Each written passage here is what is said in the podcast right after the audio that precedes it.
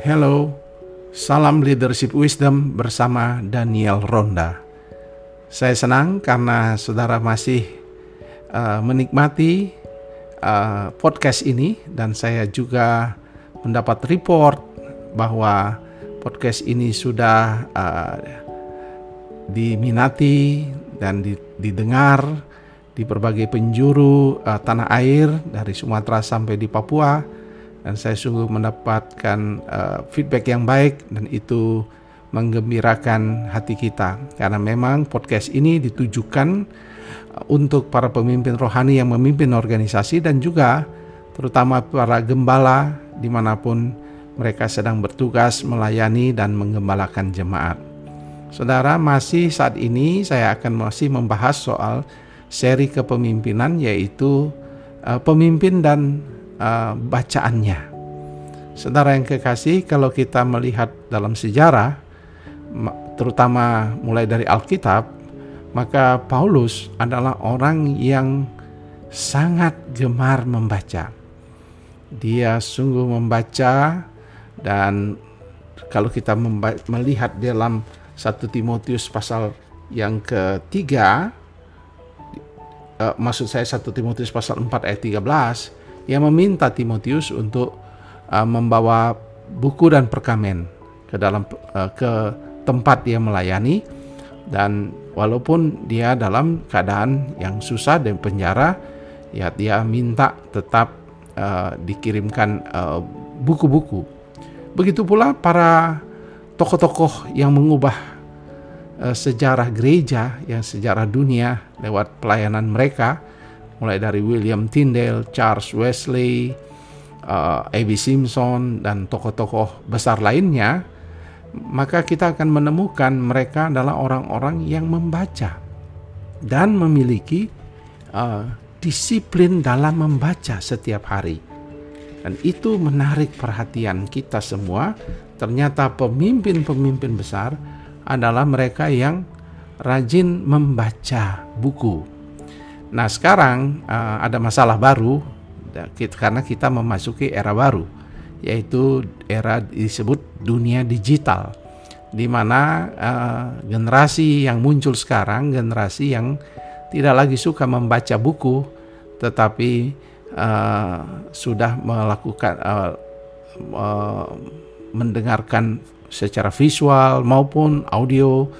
Jadi audio visual combine dikombinasikan sehingga hari ini banyak yang bukan membaca tetapi uh, membaca lewat internet uh, juga uh, mendengarkan dan juga uh, menyaksikan uh, vi video di YouTube dan sebagainya. Nah, apa pun itu uh, pada prinsipnya uh, walaupun saudara mungkin tidak membaca buku secara kertas tetapi diminta saudara menggunakan akses-akses yang ada seperti internet untuk membaca uh, dan juga untuk mendengarkan pengetahuan-pengetahuan baik podcast maupun YouTube. Jadi uh, saya uh, berharap bahwa spiritnya yang diambil bukan hanya sekedar diwajibkan di zaman digital ini untuk membaca buku, tapi kita melihat spirit yaitu membaca dan belajar. Nah, Pertanyaannya adalah kalau kita mengetahui bahwa para pemimpin besar, para pemimpin yang hebat dan kepemimpinan yang luar biasa yang mengubahkan adalah karena dia belajar dan membaca. Pertanyaannya adalah mengapa? Membaca itu penting. Nah, karena membaca itu menjadi sangat penting bagi pemimpin karena dia perlu bertumbuh secara intelektual dan bertumbuh secara spiritual atau rohani. Jadi para pemimpin yang terutama gembala, dia mengajar bukan? Dia berkhotbah. Dia uh, juga memuridkan. Maka dia wajib uh, diisi karena dia harus juga bertumbuh di dalam pengetahuan dia, intelektual dia, informasi yang dia harus serap, begitu pula dia juga harus bertumbuh dalam iman dan pengharapan dan kerohanian mereka dia. Jadi para pemimpin wajib membaca tidak boleh tidak membaca karena ia adalah seorang yang mengajarkan tentang kebenaran, maka ia perlu belajar. Para pemimpin sekuler pun dalam buku-buku uh, kepemimpinan kita menemukan uh, banyak sekali mereka dianjurkan untuk membaca, bahkan mereka para pemimpin-pemimpin besar secara sekuler pun mereka adalah orang-orang yang membaca. Nah, jadi itu kegunaan mengapa kita harus membaca. Nah, uh, hal yang kedua adalah apa yang dibaca. Nah, ini yang uh, menjadi hal yang penting juga. Apa yang yang dibaca oleh pemimpin? Karena begitu banyak uh, bacaan, apalagi di internet. Waduh, banyak sekali Eh, seminar juga begitu banyak. Bahkan uh, YouTube juga pengetahuan begitu luas, banyak hal yang bagus, kuliah-kuliah, materi-materi yang sangat luar biasa bagus sekali. Uh, di podcast juga begitu banyak hal-hal yang baik. Nah, pertanyaannya, apa yang harus kita baca? Maka para pemimpin harus membaca hal-hal yang berhubungan dengan siapa dirinya, dan apa yang menjadi passion atau tujuan daripada uh, kehidupan yang Tuhan telah panggil dia. Artinya, dia mem memilih bacaan sehubungan dengan apa yang menjadi tanggung jawab dan pelayanan dia. Misalnya dia seorang gembala, maka saya mengajak dia memilih buku-buku yang berhubungan dengan eksposisi, berhubungan dengan hal-hal tafsiran, pada saat yang sama juga berhubungan dengan hal-hal yang meningkatkan strategi-strategi pelayanan atau juga hal-hal yang memperkaya jiwa spiritual dia uh, dalam menghadapi tantangan-tantangan spiritual, psikologis dan seterusnya. Jadi apa yang harus dibaca? Yang kedua adalah uh, yaitu hal-hal yang berhubungan dengan siapa dia dan apa yang ingin dia capai di dalam kehidupan dan terutama uh, tujuan daripada uh, pelayanan dia. Buku-buku itulah yang harus dibacanya. Sebagai contoh saya, misalnya ketika saya ditanyamu, apa yang Bapak baca? Maka saya membaca buku-buku yang berhubungan dengan penggembalaan, kepemimpinan gembala, dan yang berhubungan dengan hal-hal yang bersifat uh, eksposisi Alkitab. Dan juga kalau saya dimi, uh, diminta untuk membaca uh, cari mencari di internet hal-hal yang berhubungan dengan hal-hal up to date soal-soal pengembalaan, riset tentang uh, pengembalaan, riset tentang kepemimpinan gereja. Jadi uh, saya memfokuskan itu karena memang itu menjadi passion dan panggilan saya Kemudian ketika saya menonton YouTube, saya melihat seri seri eksposisi Alkitab.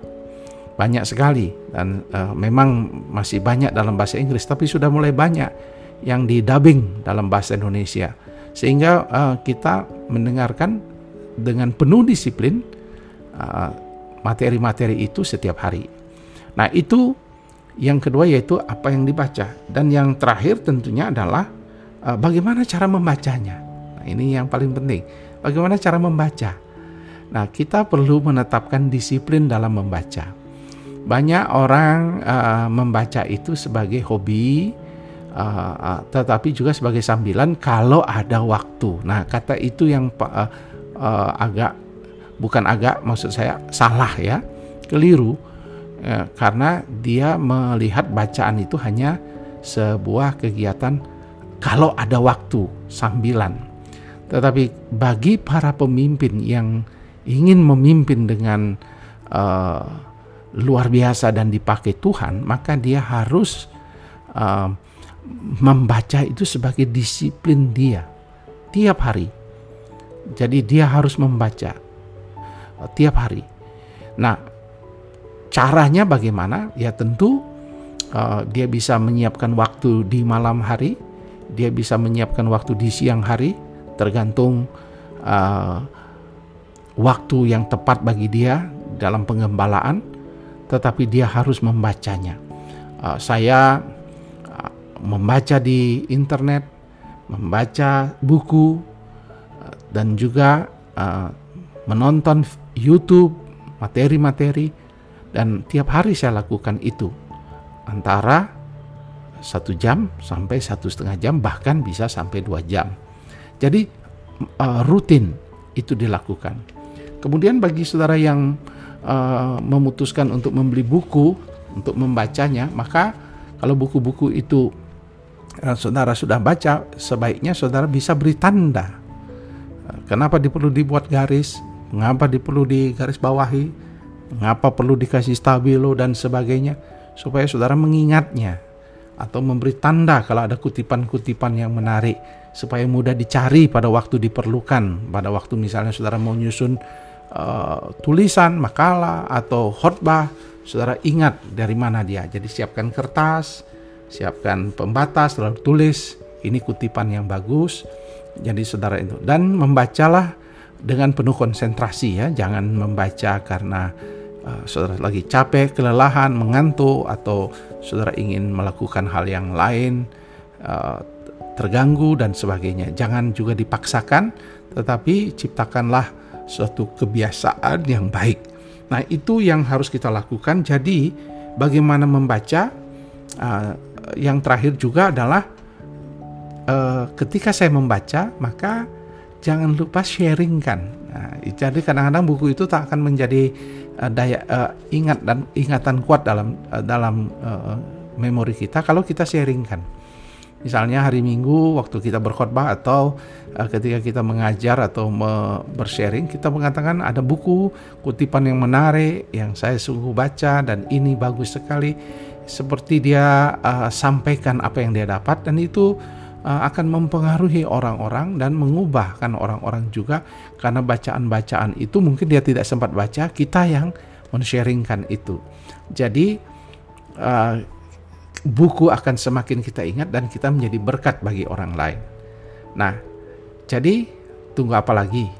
Para pemimpin uh, kalau anda tidak biasa membaca, mulailah belajar pelan-pelan untuk membaca mulailah uh, saudara membuka internet, mulailah saudara mendengarkan uh, YouTube yang baik, bukan hanya video-video uh, hal-hal yang tidak berguna atau informasi singkat, tetapi cari yang merupakan hal-hal yang memperkuat spiritual kita, memperkuat intelektual kita, karena kita pemimpin wajib dan perlu membaca.